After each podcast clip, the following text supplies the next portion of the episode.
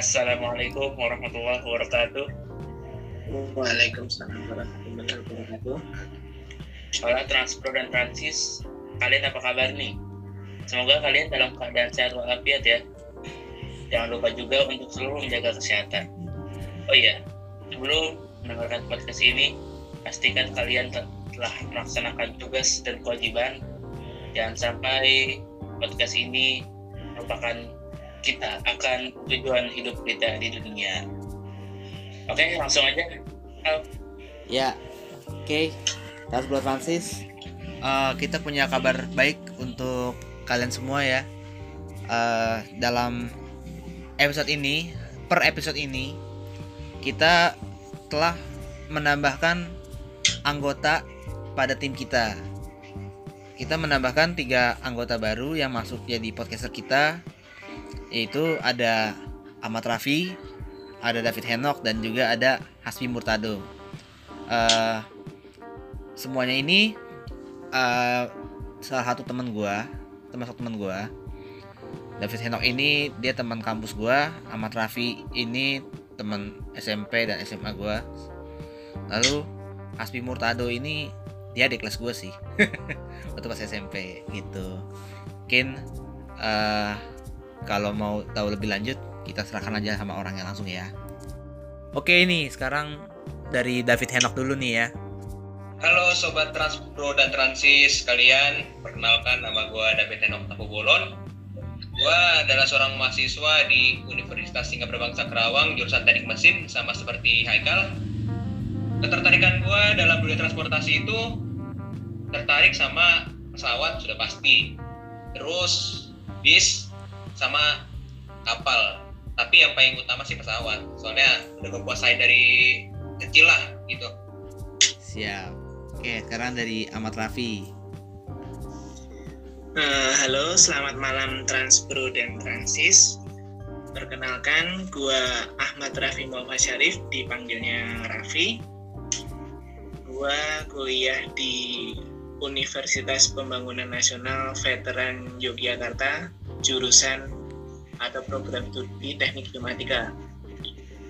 Uh, ketertarikan gue di bidang transportasi di transport podcast ini gue lebih condong ke semua yang ada di atas rel kereta api baik itu kereta api reguler kereta api komuter seperti kereta komuter Jabodetabek atau komuter di daerah-daerah lain LRT, MRT, tram, dan lain sebagainya. Gue lebih condong suka untuk membahas, mendiskusikan terkait semua yang berjalan di atas rel kereta api. Siap. Kurang lebih seperti itu. Oke. Okay. Uh, eh, transportasi uh, untuk Hasbi saat ini tidak bisa hadir dalam podcast kami ya.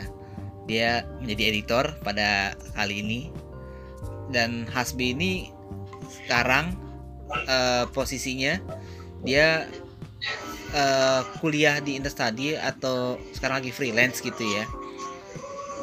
Gitu pokoknya. Mungkin nanti di episode ke-23 insya Allah dia hadir gitu ya. Oke kita mulai saja episode ke-22 ini.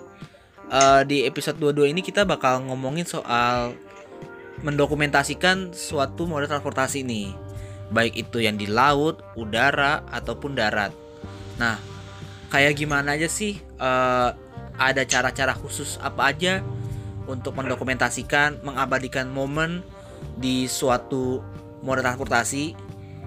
Apakah ada tata cara yang memaksanya? Apakah ada ketentuan yang sulit-sulit atau gimana? Atau ada dramanya lah? Kita nggak tahu semua. Kita bahas aja sekarang di sini ya. Oke, stay tune terus. Oke, sekarang kita bahas uh, cara dokumenta mendokumentasikan sebuah momen di pesawat dan juga uh, kapal laut nih. Mungkin David Henok nih orang Sumatera kan nih, orang uh, pulau seberang pasti pernah naik kapal laut ataupun pesawat. Nah, gimana nih? Ada cara-caranya nggak nih Nok?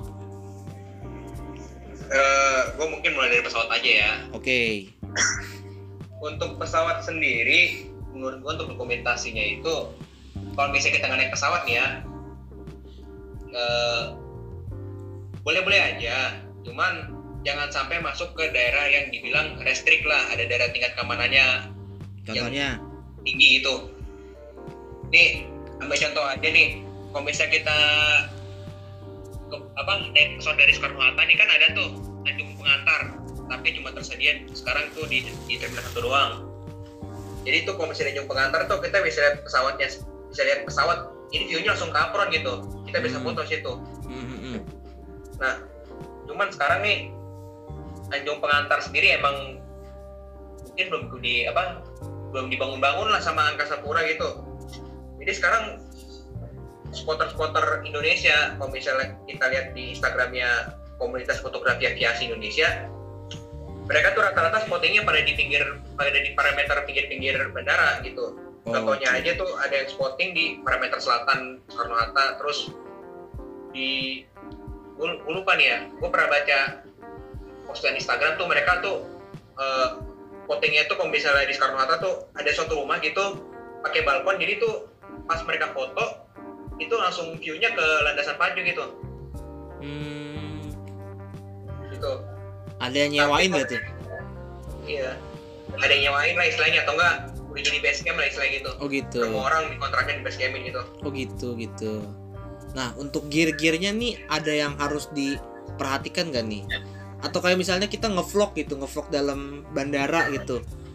Ntar kan tiba-tiba ada petugas keamanan, satpam gitu nanyain untuk tujuan apa gitu. Itu kan suka jadi drama nih.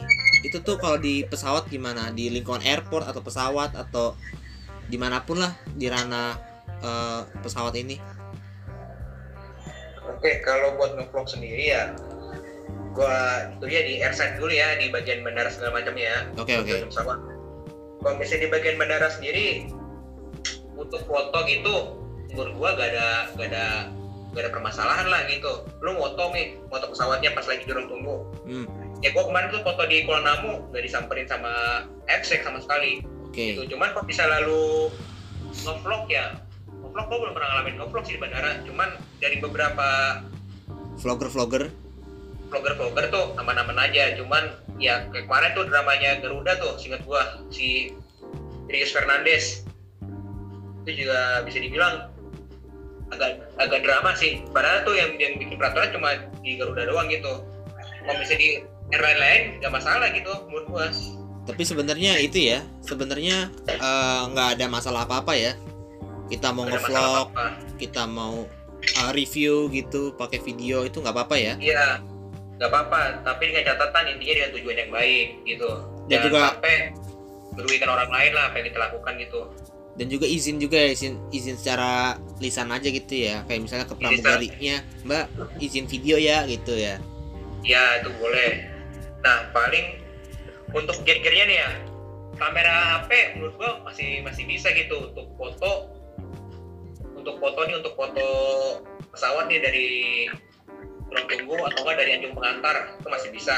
iya Cuman ada beberapa gear tambahan kalau misalnya lu foto pas dia mau mendarat gitu, mau mendarat atau mau take off atau lu posisi lu jauh tapi Hmm. lu pengen foto pesawat biar kelihatan deket gitu Heeh. Paling tambahnya ya lensa lensa yang Tele. apa lensa yang ya lensa lensa wide atau lensa tele gitu. Iya. Sama tambahan lagi ya paling tripod gitu. Itu juga kalau tripod dibawa ke dipakai dan di eh dibawa dan dipakai ke airport tuh nggak boleh nggak sih? Kalau tripod selama nggak merugikan sih boleh-boleh aja. Cuman kalau dipakai di bandara kan agak repot juga lah ya gitu. Mesti nyari yang pas di tempatnya. Iya iya takut jadi tripod tuh jadi tripod Yang- tuh rata-rata dipakai sama spotter tuh kalau misalnya dia tuh cuma di situ-situ aja spotnya gitu Hmm, jadi Isinya. tuh di luar ini ya Oh, di luar eh, Iya. apa area bandara ya ya kayak yang gue bilang tadi tuh kalau misalnya kayak KFAI punya base camp di sampingnya di samping landasan tuh mereka situ-situ aja bisa pakai tripod gitu cuman kalau misalnya lu mobile nih lu misalnya pertama spotting di kayak kayak gue apa gue taruh Halim aja ya Halim Perdana Kusuma nih. Oke Halim lu Halim. pertama ya lu pertama spotting tuh di sisi kiri di sisi kiri landasan. Mm-mm. lu foto pertama situ. Terus spotting kedua lu maunya di eh, radar Halim gitu. Itu tol keluar apa Itu waringin. tol Waringin. Ya ya lu gak usah pakai tripod menurut gua. Lu karena posisi lu mobil ya udah usah pakai tripod gua aja Berarti eh, kesimpulannya adalah kalau kita di bandara atau pesawat kalau pakai tripod tuh eh, sebenarnya nggak ada peraturan yang apa tidak dibolehin ya. Tapi Iya. kita sadar aja itu ngega- Iya. ngeganggu gitu ya. iya kayak misalnya bilang tadi kan pakai tripod di pesawat menurut gua repot soalnya iya sempit, tempat kayak gitu sempit. Nah paling kalau misalnya buat di pesawat nih, lu yang pernah lu di Instagram gue lah ya, Iya, lu nggak usah pakai tambahan apa-apa, kamera aja tuh kamera kamera yang lu bawa atau pakai kamera HP dengan catatan lu kalau misalnya pakai kamera HP, tolonglah di airplane mode gitu. Hmm, oke oke oke. Berarti itu tadi dari pesawat ya. Nah kalau kapal gimana Nino? Nah kalau kapal nih, menurut gua pelabuhan itu nggak seketat yang kita yang nggak seketat yang kita bayangkan lah gitu. Lu foto, lu foto, foto aja nggak masalah gitu. Apalagi dokumentasi itu kan perlu tuh buat operasional bongkar muat tuh pasti izin banget yang namanya foto gitu, gak ada halangan gitu. Nah untuk gear-gearnya nih sama juga atau gimana? Sama juga, cuman kalau di kap kalau di kapal ya kalau misalnya kita on board tuh tergantung kita mau foto di mana gitu. Ombak kalau misalnya terlalu kencang ngapain pula pakai stabilizer kan gitu. Ya. Kamera aja pakai kamera HP gitu. Terus juga kalau pakai tripod di apa kapal gitu kapal entah kapal KM atau kapal ferry gitu sebenarnya nggak apa-apa kan? Gak apa-apa, gak masalah. Nggak apa-apa ya. Iya. Oke, itu tadi dari David Henok ya eh, soal pesawat sama kapal. Nah sekarang kita tanya ke Azam nih. Zam Zam. Eh, kalau di bis tuh gimana nih Zam? Oke, kalau di bis itu ya nggak ada aturan sih. Jadi maksudnya nggak ada aturan tuh nggak ada larangan buat mengambil gambar atau video. Mhm, Karena kan jadi kayak bebas saja. Jadi dari hasil foto atau video itu kan juga bisa menjadi promosi gratis dari perusahaan otobus itu. Oh iya benar benar. Nah, tapi dalam fotonya juga dalam mengambil foto atau video juga ada aturan-aturan yang harus diperhatikan. Nah Nih iya. gue benar. sebutin ya. Oke oke. Yang pertama, pemilihan spot hunting harus aman. Mhm, Jadi harus aman dari misalnya safety lah gitu. mhm. Habis itu nggak merusak fasilitas umum. Terus nggak melakukan kegiatan yang berbahaya di jalanan atau jalan tol. Kan biasanya ada yang minta apa tuh? Telolet Oleng telolet. ya, oleng. Oh. Oleng.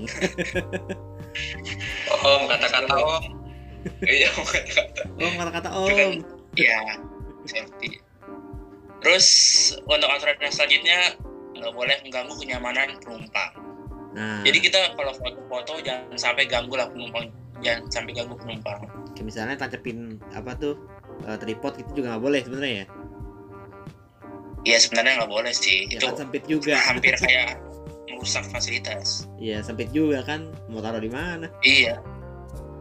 Iya. Habis itu misalnya nih kita pengen konten ke garasi atau karoseri. Ah iya. nah iya, itu iya. kita harus izin. izin. Jangan asal masuk aja. Izin izinnya kayak eh, ini ya apa? Kita mau review karoseri ini gitu kan contohnya ya.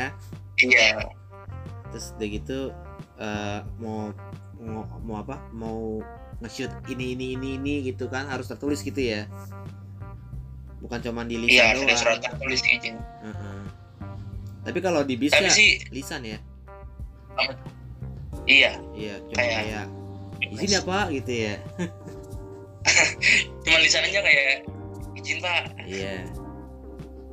Terus apa lagi? Tapi ya, Nah. eh, ada juga PO-PO yang melarang untuk mendokumentasikan. Nah, bisnya. kenapa, kenapa tuh? Ya kita nggak sebutin sih PO-nya. Oh iya, jangan deh, Jadi kasihan. Nggak boleh. mungkin karena merasa takutnya dijelek-jelekan dalam dokumentasi makanya sopir dan kenek melarang.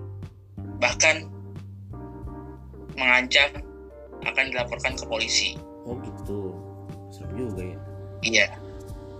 Nah gue juga mau tambahin ya. Uh, sepengetahuan gue kayak di terminal-terminal bis di Jakarta nih kayak contoh Pulau Gebang gitu. Itu tuh sebenarnya bebas-bebas aja gitu. Asal juga misalnya kita nih kelihatan kayak mau ngevlog gitu. Ya minimal kita ngomong itulah lisan lah. Ada kayak petugas kayak diskup diskup di situ. Izin lah kayak kayak apa punten mas apa kayak gitu kan. Izin dulu lah biar biar apa namanya biar enak lah gitu. Mungkin nih Henok nih pernah ke Pulau Gebang nih. Tahu juga kali ini Nok ke Pulau Gebang sih kemarin nggak terlalu masih banyak banyak lah. Cuman dari beberapa video tuh ada nih spot apa ada nih bocah-bocah mania nih lagi foto cuman ngalangin jalan gitu. Oh, ngalangin jalan selain keluar. Ya menurut gua sih agak di, agak disayangkan lah gitu gitu ya. Berarti kalau bus kesimpulannya eh, pertama bebas boleh. Bebas. Di bis tuh asal izin izin lisan aja terus kalau di terminal juga sama gitu. Dan yang penting safety-nya ya. Safety-nya jangan eh, ngalang-ngalangin apa supir bis atau kita tiba kita tiba-tiba maju nyari spot tiba-tiba jebret aja kan di jalan tol lah itu kan nggak boleh tuh. iya itu. Iya benar-benar. Ya pokoknya sih kita dokumentasi nyaman sopir nyaman penumpang nyaman. Iya, siap, siap. Oke, sekarang kita ke kereta api nih.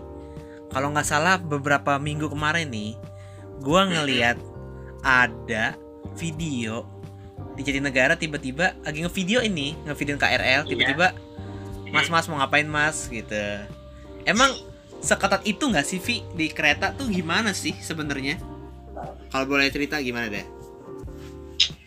untuk di kereta sendiri ya di terutama di lingkup KAI baik mau di Jabodetabek ataupun di wilayah lain di Jawa dan Sumatera. Ah, itu yang namanya masalah hunting larangan hunting tuh udah ada permasalahannya udah udah dari lama banget dari tahun 2011 pokoknya tuh dari dulu ada aja masalahnya. PKD yang larang.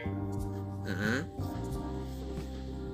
sebenarnya dari atasan tuh sebenarnya ngebolehin tapi ada batas-batas tertentu misal kameranya yang biasa nggak terlalu profesional contohnya dalam nih. artian pakai mic tambahan pakai lighting terus fotonya pakai flash pakai tripod.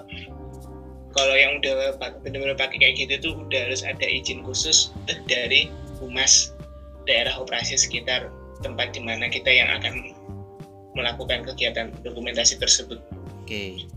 Dan nggak apa-apa sih tapi kadang tuh dari atas sama bawah tuh nggak sinkron antara direksi KAI yang dirut dan Sebagainya. jajarannya ke stasiun-stasiun dan petugas bawahannya tuh nggak sinkron Hmm, bahkan di kereta pun juga kadang nggak boleh gitu ya. itu biasanya mereka itu membuat aturan sendiri larangan foto itu ada hal-hal yang mungkin pernah kejadian ada yang huntingnya atau dokumentasinya nggak safety deket rel ganggu masinis mungkin pakai flash apa gimana. Contoh kasus ya di stasiun Tanjung Priuk. Hmm, hmm, hmm. itu dulu ya awal-awal juga sempat dilarang. Tapi setelah ada mediasi dari jajaran atas sama bawah setuju akhirnya boleh hunting bebas. Tapi karena bebasnya itu yang para dokumenter-dokumenter yang masih muda-muda yang masih jahil masih nggak tahu apa-apa iseng apa penasaran tuh mereka sempat waktu itu ada penurunan armada KRL untuk KCI Hmm.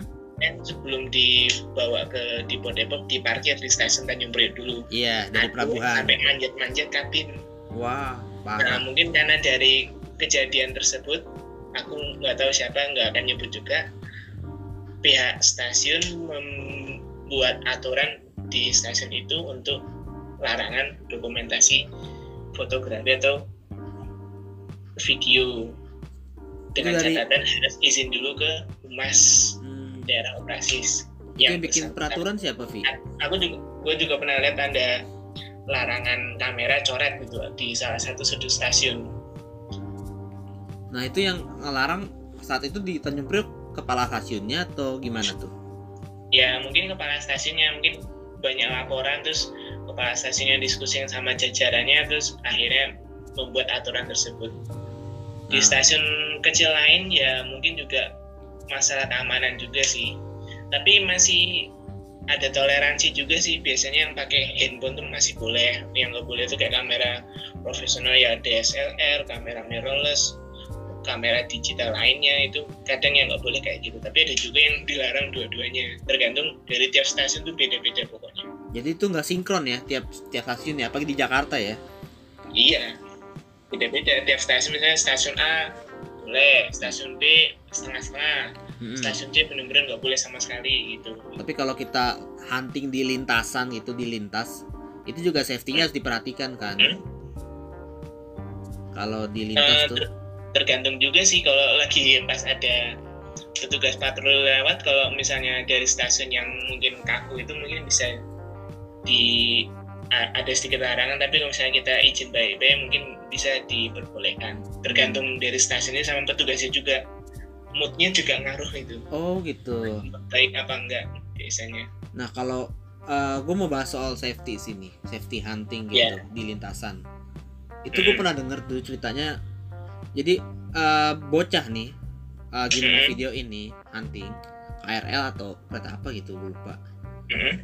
Dia angle-nya tuh harusnya dia ambil yang angle pas lagi tikungan keretanya nih, relnya. Mhm. iya Dia malah lurus dan dia papasan gitu. oh, Akhirnya jebret, kena dia meninggal.